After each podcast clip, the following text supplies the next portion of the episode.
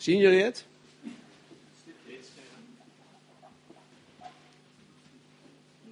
Oké, is goed, dankjewel. Hou dat even op je netvlies. Nadat Jezus aan zijn discipelen vroeg, de preek van vorige week, maar u, wie zegt u dat ik ben? Beantwoordde Petrus Jezus op, dit, op deze vraag en hij sprak namens alle discipelen en hij gaf het enig juiste antwoord. Hij zei, u bent de Christus, de Zoon van de levende God. De, de discipelen die, die wisten dat, ze geloofden daarin. Maar ondanks dat zij daarin geloofden, ondanks dat zij het ook in hun hart ook echt wist, uh, wisten, mochten zij dit op dat moment nog niet doorvertellen. Ze mochten het met niemand delen. Ze moesten het voor zichzelf houden. Want Jezus zei, of er staat in vers 20, toen verbood Jezus zijn discipelen dat zij tegen iemand zouden zeggen dat hij Jezus de Christus was. Nou, hij verbood hen dit omdat enerzijds de, de menigte die Jezus allemaal navolgde, die waren niet oprecht in hun hart en in hun toewijding naar Jezus toe.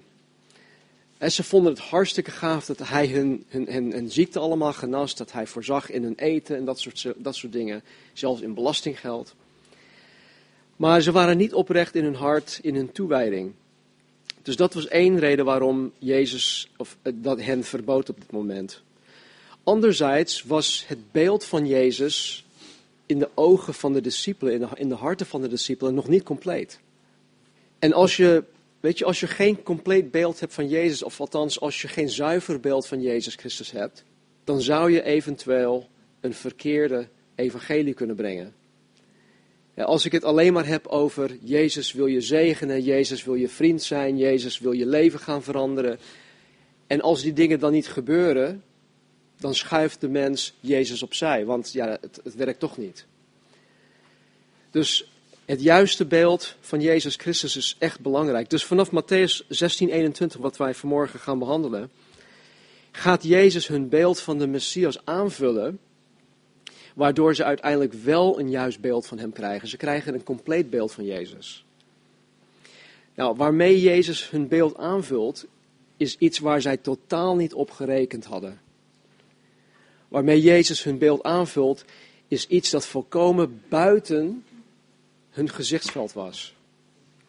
Dus laten we lezen, Matthäus 16, vers 21. Van toen aan begon Jezus zijn discipelen te laten zien dat hij naar Jeruzalem moest gaan en veel zou moeten lijden van de kant van de oudsten, de overpriesters en de schriftgeleerden. En dat hij gedood zou worden en op de derde dag zou worden opgewekt. En Petrus nam hem apart, begon hem te bestraffen. Hij zei, God zij u genadig, heren, dit zal beslist niet met u gebeuren. Maar Jezus keerde zich om en zei tegen Petrus, ga weg achter mij, Satan. U bent een struikelblok voor mij, want u bedenkt niet de dingen van God, maar die van mensen. Tot zover. Tot op dit moment had Jezus tot meerdere malen toe wel ja, aangegeven, het gezin speelt op zijn dood en op zijn opstanding. En wat ik vorige week ook al zei, is dat Jezus op dit moment nog steeds in Caesarea Philippi is, alleen met zijn twaalf discipelen. Hij spreekt nu dus niet tot de menigte, hij spreekt echt intiem tot zijn discipelen. Degene die beleden hebben, u bent de Christus, u bent de Zoon van de levende God.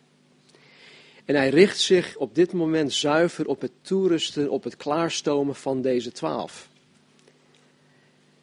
En wat Jezus op dit moment noodzakelijkerwijs duidelijk moet maken, is dat hij moet gaan lijden.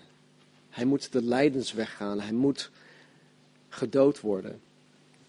En nogmaals, tot op dit moment had Jezus dit wel tot meerdere malen toe ehm, gezegd, maar niet in deze, deze expliciete woorden. Laten we samen even kijken naar een, een paar voorbeelden ehm, waar Jezus dit uh, aanhaalt. In Johannes hoofdstuk 2. Johannes hoofdstuk 2 vanaf vers 13. En het pasja van de Joden was nabij en Jezus ging naar Jeruzalem. En hij trof in de tempel mensen aan die runderen, schapen en duiven verkochten en de geldwisselaars die daar zaten.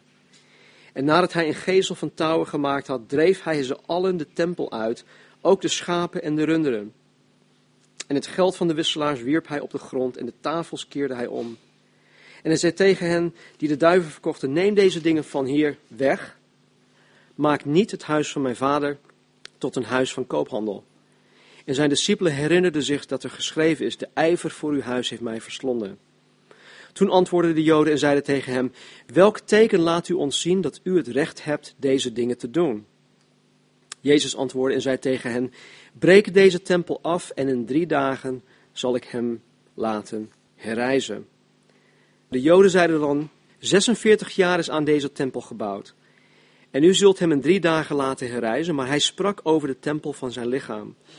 Toen hij dan uit de doden was opgewekt, herinnerden zijn discipelen zich dat hij dit tegen hen gezegd had.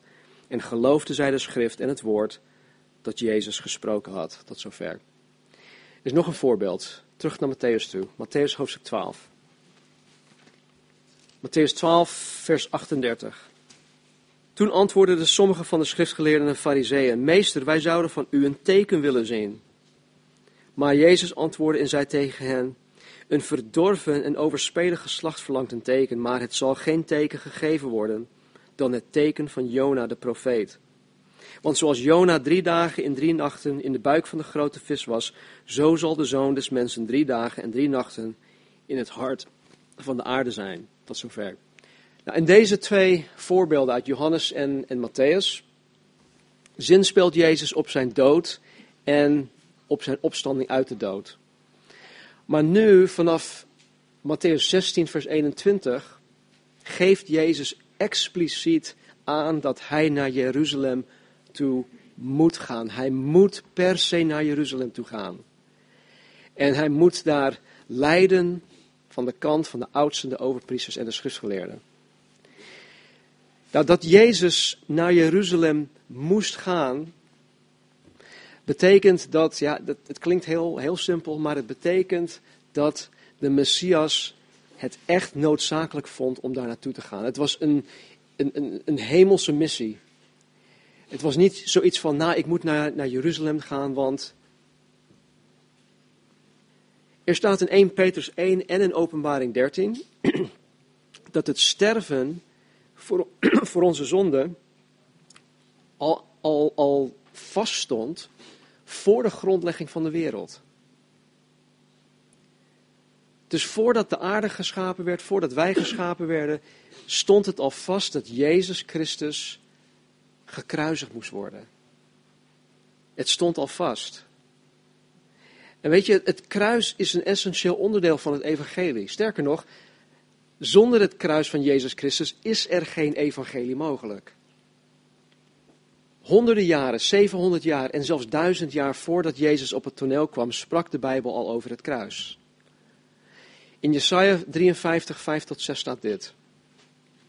Maar hij, dus over Jezus gesproken, is om onze overtredingen verwond, om onze ongerechtigheden verbrijzeld. De straf die ons de vrede aanbrengt was op hem, en door zijn striemen is er voor ons genezing gekomen. Wij, wij dwaalden allen als schapen. Wij keerden ons ieder naar zijn eigen weg. Maar de Heere heeft de ongerechtigheid van ons allen op hem doen neerkomen.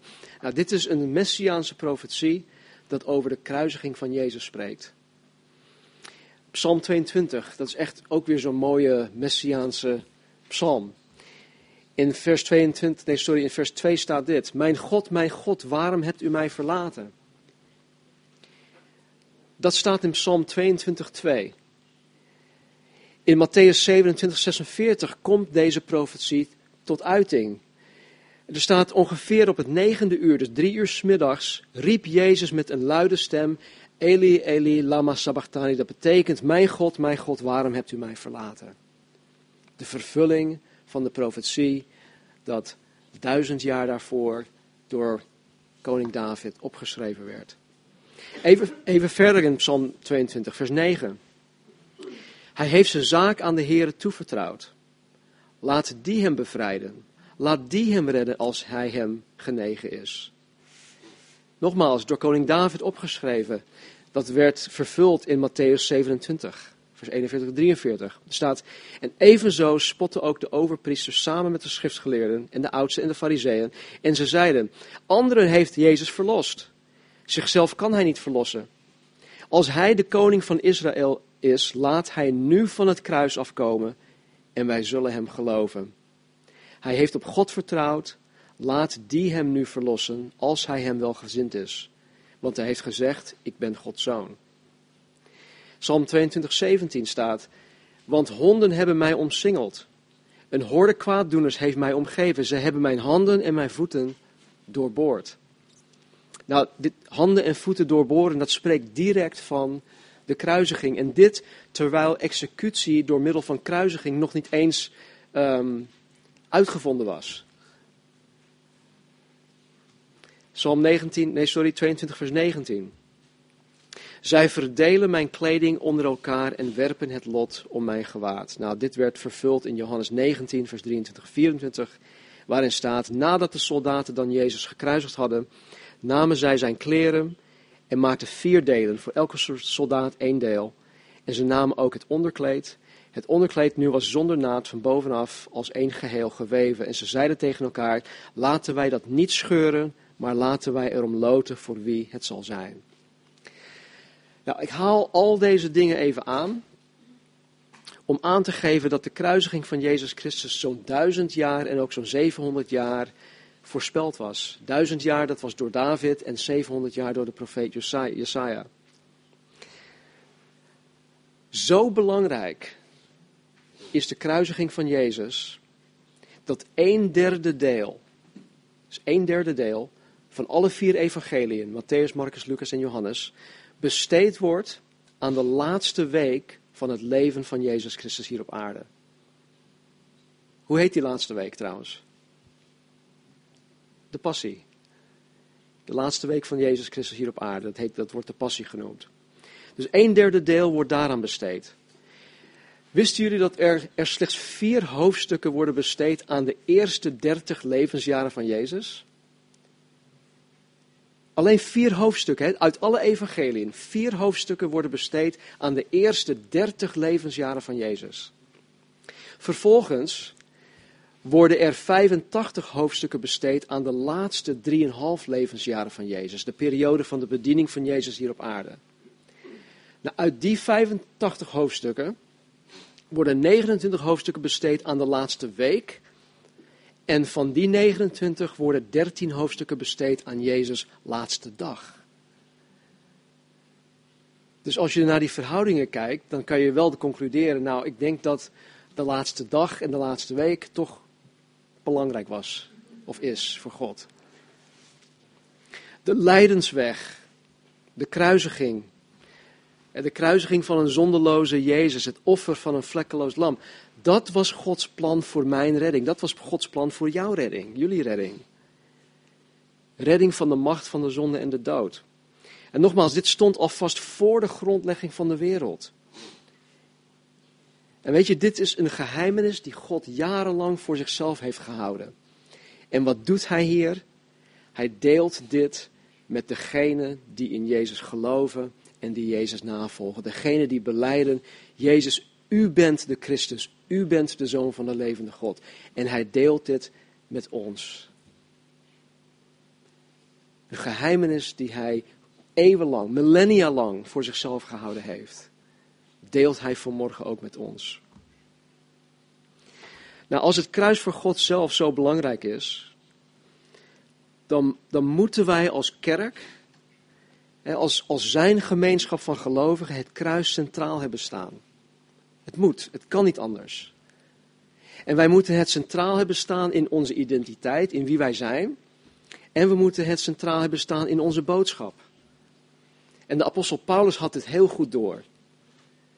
In 1 Korinthe 1, 17 en 18 schrijft Paulus dit. Hij zegt, ik ben immers niet door Christus gezonden om te dopen, maar om te verkondigen en niet door middel van diepzinnige welsprekendheid, hè, met mooie woorden, want dat zou het kruis van Christus van zijn kracht worden beroofd. De boodschap over het kruis is dwaasheid voor wie verloren gaan, maar voor ons, die worden gered, is het de kracht van God. En dan zegt hij even verderop in hoofdstuk 2, vers 2. De enige kennis die ik, u, die ik u heb willen brengen was Jezus Christus, de gekruisigde Jezus Christus. De kracht van het evangelie, hoe onwaarschijnlijk dit ook misschien lijkt, is het kruis. Het kruis van Jezus Christus waarop onze, onze zonden genageld waren. Misschien denk je bijvoorbeeld als je met, met je buren uh, aan de praat gaat of met je collega, dat je het over verschillende dingen moet hebben om het evangelie te brengen. Om het op een laagdrempelige manier even al tastend proberen neer te leggen bij iemand. Maar de Bijbel zegt juist, nee, maar daarin ligt de kracht niet. In, in, in de voorzichtigheid van mensen. De kracht van het evangelie ligt niet om de drempel laag te houden. Nee, de kracht ligt in het kruis. Het kruis van Jezus, het bloed dat voor ons gevloeid heeft.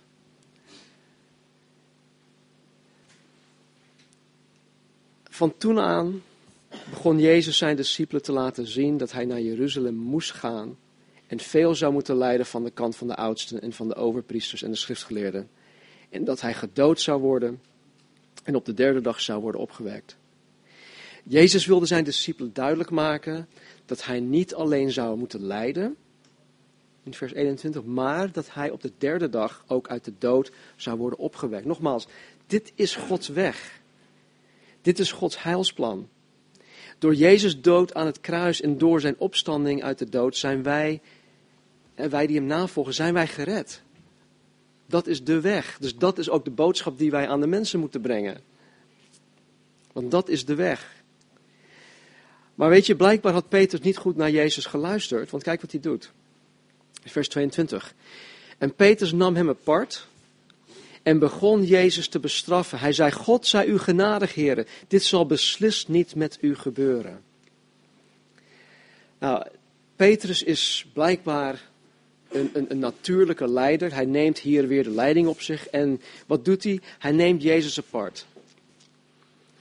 En het werkwoord dat hier gebruikt wordt geeft aan dat Petrus Jezus eigenlijk beetpakte en hem fysiek even wegtrok van de anderen en hem apart nam.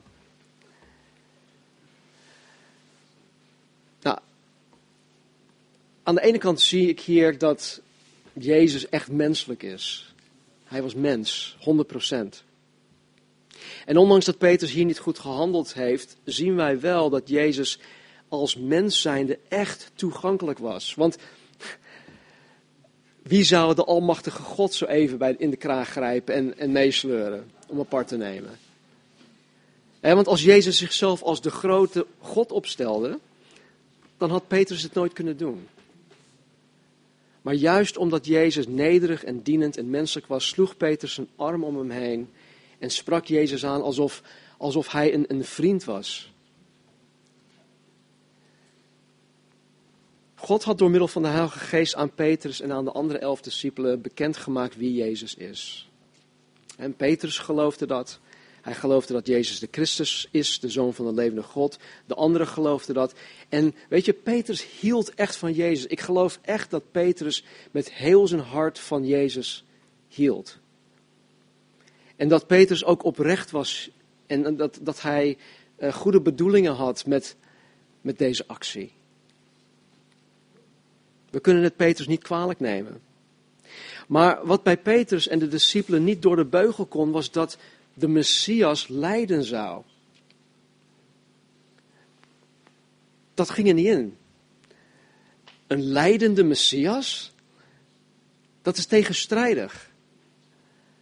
Kijk, door hun opvoeding, door de leer van de Joodse leiders van die tijd, door de algehele opvatting van de Messias, geloofden de discipelen dat de Messias heersen zou.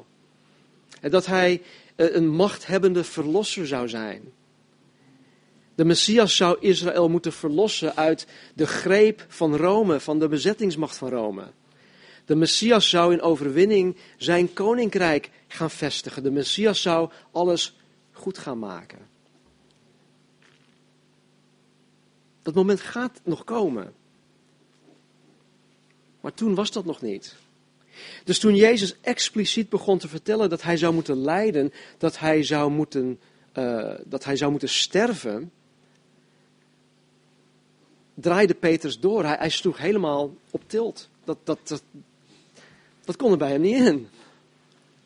En wat deed hij? Hij begon Jezus te bestraffen. Nou, wat mij hierin het meest opvalt, is dat Petrus zich alleen maar richt op het lijden en de dood van Jezus. Het is alsof Petrus niet eens gehoord had dat Jezus ook zei dat Jezus op de derde dag uit de dood zou opstaan. Ondanks dat Jezus hierover duidelijk sprak, want er staat dat hij uit de derde dag zou opstaan, is het woord van Jezus, het woord van God over de opstanding bij de discipelen en Petrus gewoon niet geland. Het, landde niet. Het ging, het ging aan hen voorbij. Maar waarom ging het aan hen voorbij? Waarom gaat het woord van God aan ons zo vaak voorbij?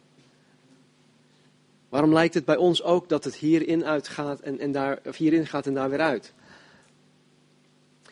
Omdat Petrus en de discipelen een andere opvatting hadden. Petrus en de discipelen hadden een andere opvatting. Ze hadden een bepaald idee over hoe dingen zouden moeten lopen. En dat was het enige wat hen bezig hield. Het moet zo gaan, dus daar richt ik me op. En het maakt niet meer uit wat je allemaal zegt. Nee, zo is het. Want zo hoort het te gaan. Dus toen Jezus hun ideeën en hun idealen overhoop gooide, konden zij niets anders meer zien of horen dan alleen datgene dat hun ideeën overhoop gooide.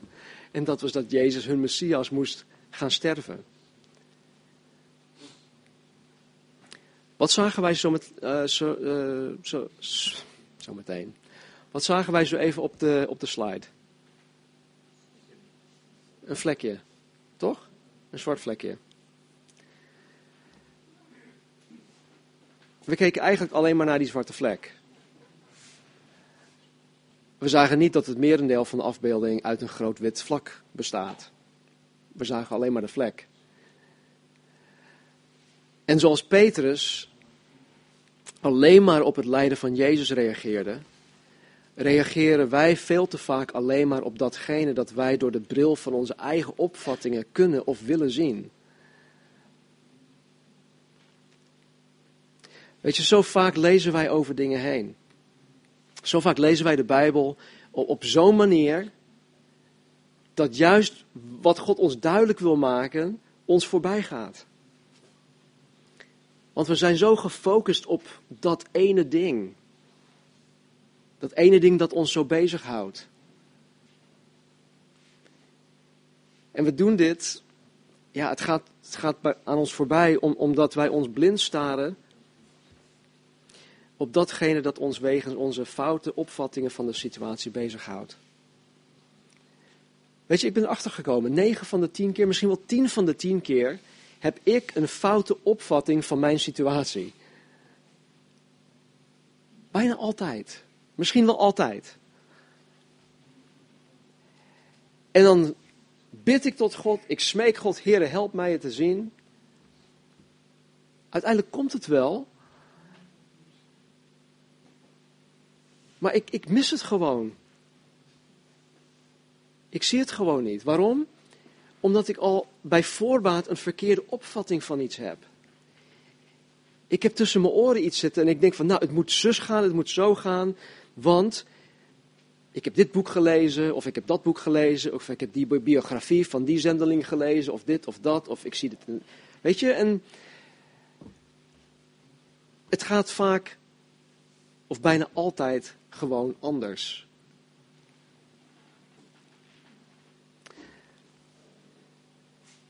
Jezus keerde zich om, vers 23. En zei tegen Petrus: Ga weg achter mij, Satan. U bent een struikelblok voor mij, want u bedenkt niet de dingen van God, maar die van mensen. Jezus reageert echt fel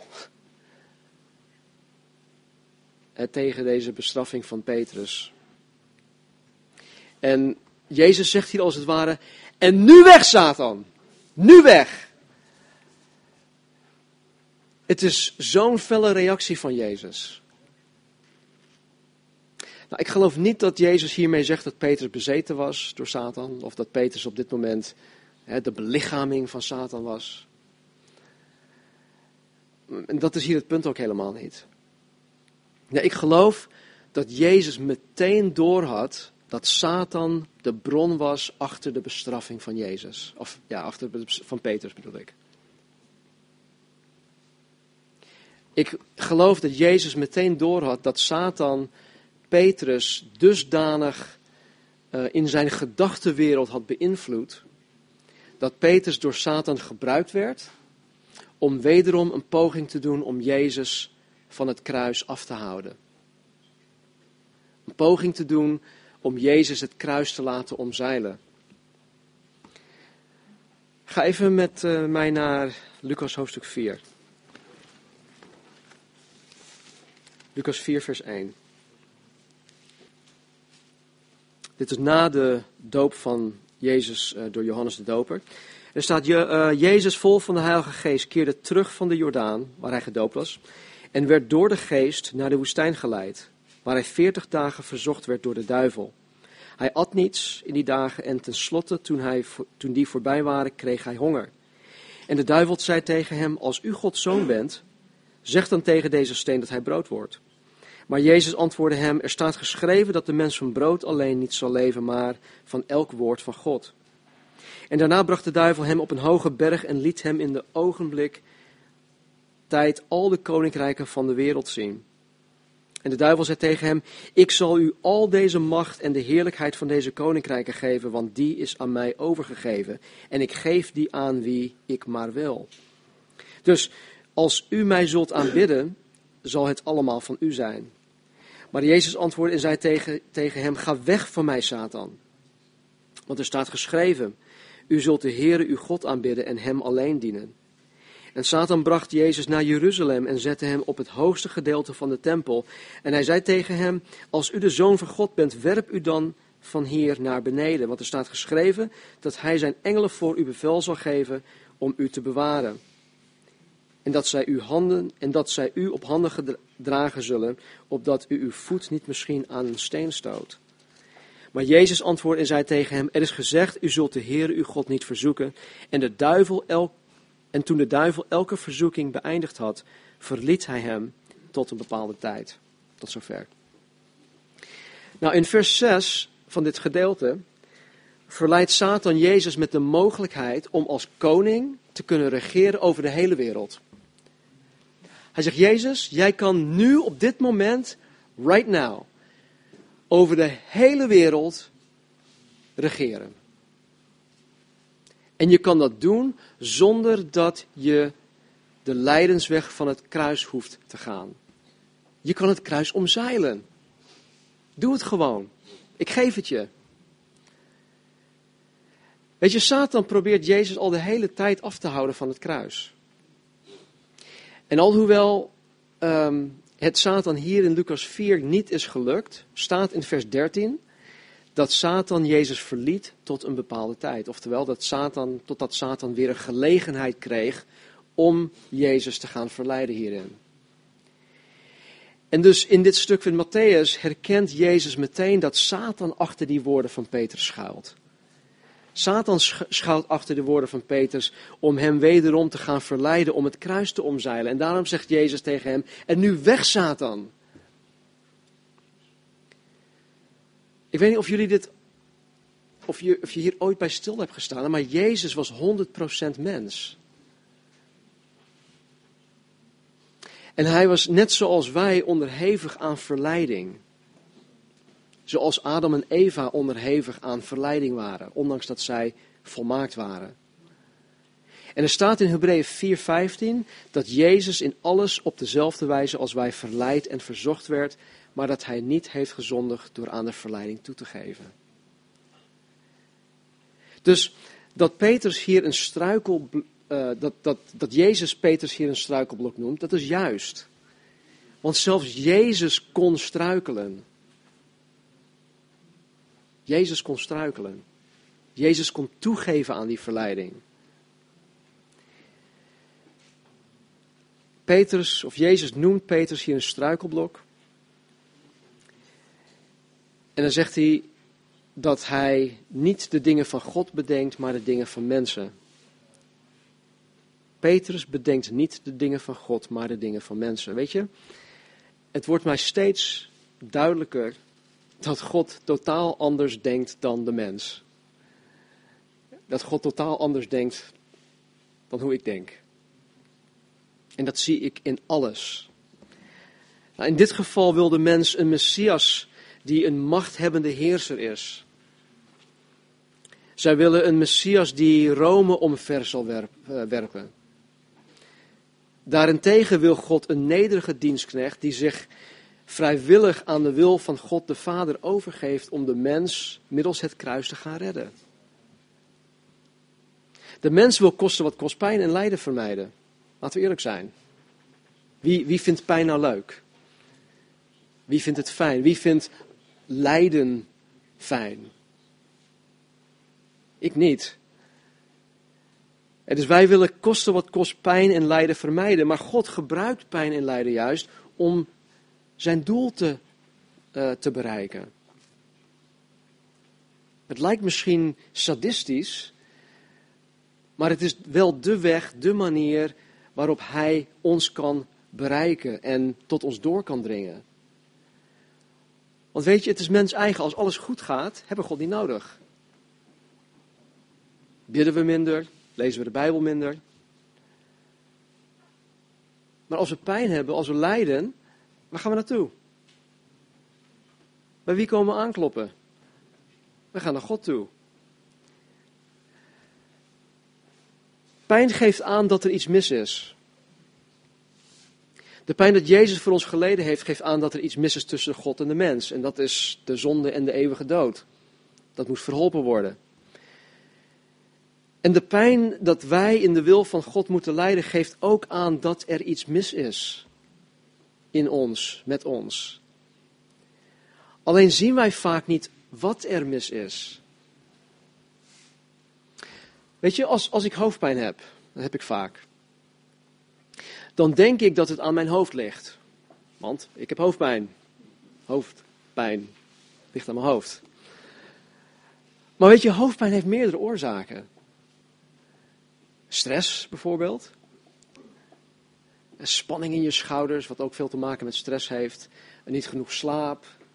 Als je gevoelig bent voor een bepaald stof en je eet waarin dat stof is verwerkt. Je eet iets en nou, daar kan je ook hoofdpijn van krijgen. Um, een kater.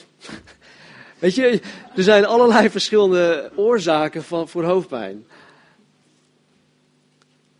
Je kunt bijvoorbeeld ook een, een geknelde zenuw in je rug hebben, maar dan de pijn in je been voelen. Dus de pijn dat je in je been hebt, ligt niet per se aan je been. En zo is het vaak met emotionele pijn en met hartzeer met relatieproblemen, met financiële problemen, met problemen met je kinderen, met je eh, gezondheid, met je baan of whatever. Pijn is een symptoom. En in plaats van dat wij ernstig op, op zoek gaan naar de oorzaak van die pijn, richten wij ons vaak alleen maar op het bestrijden van de pijn. En wij richten ons op het beheersbaar maken, het managen van de pijn. Nou, net als nu. Met ons als gemeente. Wat Maarten vanmorgen ook deelde. Het is pijnlijk dat wij dit jaar te kampen hebben met een tekort aan financiële middelen. Maar zoals Maarten ook aangaf, is dat wellicht een symptoom. Eh, het, een tekort aan geld hoeft niet per se het probleem te zijn. Weet je, Maarten haalde dat ook aan. Wij geloven echt dat waar God leidt, dat hij daarin zal voorzien. Hudson Taylor, een, uh, een, een, bekende uh, zendeling, die vanuit Engeland naar China toe was gegaan, daar zendeling, te worden, die ging met niks daar naartoe. En hij zei, um, hij had ook geschreven in, in zijn, ik weet niet of het een autobiografie is of een biografie, maar er staat in zijn boek, dat hij zegt um, God's work done God's way will never lack God's supply. Het is Gods werk die gedaan wordt op Gods manier, zal Gods voorziening nooit ontbreken of iets dergelijks. Dus als wij nu een tekort hebben aan, aan financiële middelen, is het dan omdat wij um, misschien uh, iets missen? En misschien moeten wij dus al biddend samen op zoek gaan naar de oorzaak. En nogmaals, het is geen pleidooi om meer te gaan geven. Hè? Begrijp ons heel goed. Maar het is wel een pleidooi om de Heer zijn aangezicht te gaan zoeken. Van Heer, wat wilt u met ons? En dan maakt u het mij niet bekend, dus jezelf. Maak het alsjeblieft aan Stan bekend of aan, aan degene die hier de leiding hebben. Wij, wij weten momenteel echt niet wat het probleem is. Dus we moeten God ernstig gaan zoeken wat de oorzaak van deze pijn is. Ga weg achter mij, Satan. U bent een struikelblok voor mij, want u bedenkt niet de dingen van God, maar die van, die van mensen. Nou, in welk opzicht, op welk gebied bedenk jij niet de dingen van God, maar die van mensen? Een vraag die je zelf moet gaan stellen. In welk opzicht, op welk gebied bedenk jij niet de dingen van God, maar die van mensen? Is het in je huwelijk? Dat kan. Hoe zie je je partner? Zie je je partner door de ogen van God of door de ogen van mensen? Misschien heeft het te maken met je baan. Met je baas, met je collega's. Of misschien omdat je op dit moment werkloos bent. Uh, misschien je financiën of je gezin of je kinderen of je kerk, misschien wel je voorganger. Op, op, welk, op welk gebied bedenk jij niet de dingen van God, maar die van mensen? Waarop sta jij je blind? Wat is voor jou die, die zwarte vlek? Je ziet niks anders, je, je ziet alleen die vlek. En misschien heeft God je al op verschillende manieren getracht te laten zien waar jij een foute opvatting van iets hebt, maar dat je het mist. En misschien heb je het, het, woord van God niet goed verstaan. Misschien is het je voorbij gegaan. Misschien heeft God wel door een, een broer of zus uh, heen gesproken, maar je hebt het gemist omdat je je blind staart op die zwarte vlek. Op welk gebied in je leven zeg je zoals Petrus, Heere, maar. Of nee, Heere. Kijk, door, door Jezus Heere te noemen, door Jezus als Heere aan te roepen, hoor je eigenlijk alleen maar ja en amen te zeggen. Want, want nee, heren, of ja, maar, heren, dat is de grootste tegenstrijdigheid in het universum. Dat, dat bestaat echt niet. En, en Petrus heeft er echt een handje van. Want later in, in Handelingen 10 krijgt Petrus, vervuld met de Heilige Geest, krijgt een visioen tot drie maal toe. Een laken die komt naar beneden met allerlei onreine dieren, wat een Jood niet mag eten. En dan zegt, Je, zegt Jezus tegen Petrus, neem Petrus en eet. nee heer, doe ik niet. Tot drie keer toe. Petrus, vervuld met de Heilige Geest, gedoopt met de Geest. Nee, heren, nee, heren, nee, heren. Dat kan niet. Nou, tot slot dit. Wees niet zo naïef door te denken dat jij niet door Satan beïnvloed kan worden om door hem gebruikt te worden om een broer of zus te doen struikelen. Het overkwam de apostel Petrus. Het kan jou en mij ook overkomen. En maar misschien heb je zoiets van, nou, maar hallo, Petrus was op dat moment nog niet gedoopt met de geest. Ik ben gedoopt met de geest. Ik ben een geestvervulde christen. Satan heeft geen invloed meer op mijn gedachten, op mij. Weet je, op dat moment, toen Jezus naast Petrus stond, toen Petrus Jezus bij de kraag greep en zei, kom even mee, even even praten. Op dat moment was de geest al met Petrus. Hij stond naast Petrus in de persoon Jezus. Hij was tegen deze tijd al zo'n 2,5 jaar lang samen met Petrus, de Heilige Geest, in de persoon Jezus Christus. Bovendien, in Galaten 2 zien wij dat de apostel Paulus Petrus fel bestrafte, omdat Petrus, die toen wel al gedoopt was met de Heilige Geest, wederom door Satan beïnvloed werd en daarnaar handelde. Lees Galaten 2 maar, wat daar, wat daar gaande was. Dus wees ook niet zo naïef door te denken dat je, dat je zelf ook niet misleid of verleid kan worden door Satan. Jezus werd door Satan verleid. Ik denk dat een van de grootste um, leugens is dat, dat je zelf niet meer verleid of misleid kan worden. Dat je zelf zo sterk bent. En dat je zelf ook zo sterk bent en zo geestelijk bent dat je niet meer gebruikt kan worden door Satan om een ander te doen struikelen. Laten we bidden. O Heer, dank u wel voor uw heilsplan. Dank u wel dat u, Jezus, dat u aan het kruis voor mij, voor ons gestorven bent. Dat uw redding van zonde, redding van de dood, de eeuwige dood voor mij, voor ons mogelijk hebt gemaakt. En dank u wel, Heer, dat u zo duidelijk bent in wat u hier aan de discipelen en ook aan ons, Heer, duidelijk wil maken. Dat u ons wil leren en laten zien dat u per se moest lijden. Dat dat voor de grondlegging van de wereld al vaststond. En heren, dat u mij en mijn redding, heren, al voor de grondlegging van de wereld kende. Heer, het is niet te bevatten.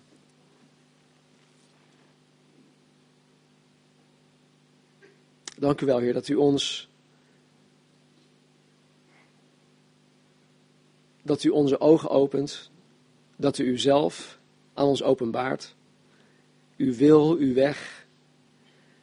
Dank u wel, Heer, dat u ook duidelijk laat zien dat wij als nietige mensen niet denken zoals u denkt. Dat wij niet zien zoals u ziet. Heer, omdat u alwetend bent, u bent almachtig, u bent alomtegenwoordig. U bent eeuwig, de eeuwige grote ik ben. En wij zijn zo nietig, Heer. Help ons als uw onderdanen ons volledig te onderwerpen aan u als Heere en Meester over ons leven. Heere, laat de momenten dat wij zeggen nee, Heere, of ja, maar, Heere, laat die momenten alstublieft minder worden in ons leven. Steeds en steeds minder. Help ons, Heere, om te leren, om, te leren denken zoals u denkt. En help ons, Heer, om niet zo naïef te zijn. Of om zo trots te zijn. Door te denken dat wij niet door Satan beïnvloed kunnen worden. Help ons, Heer, help ons. In Jezus' naam. Amen. Laten we gaan staan.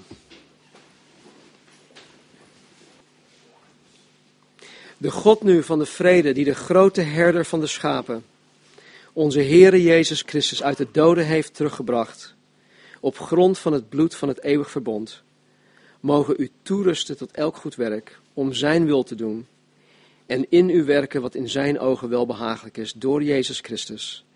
Hem zij de heerlijkheid in alle eeuwigheid. Amen. Happy Father's Day.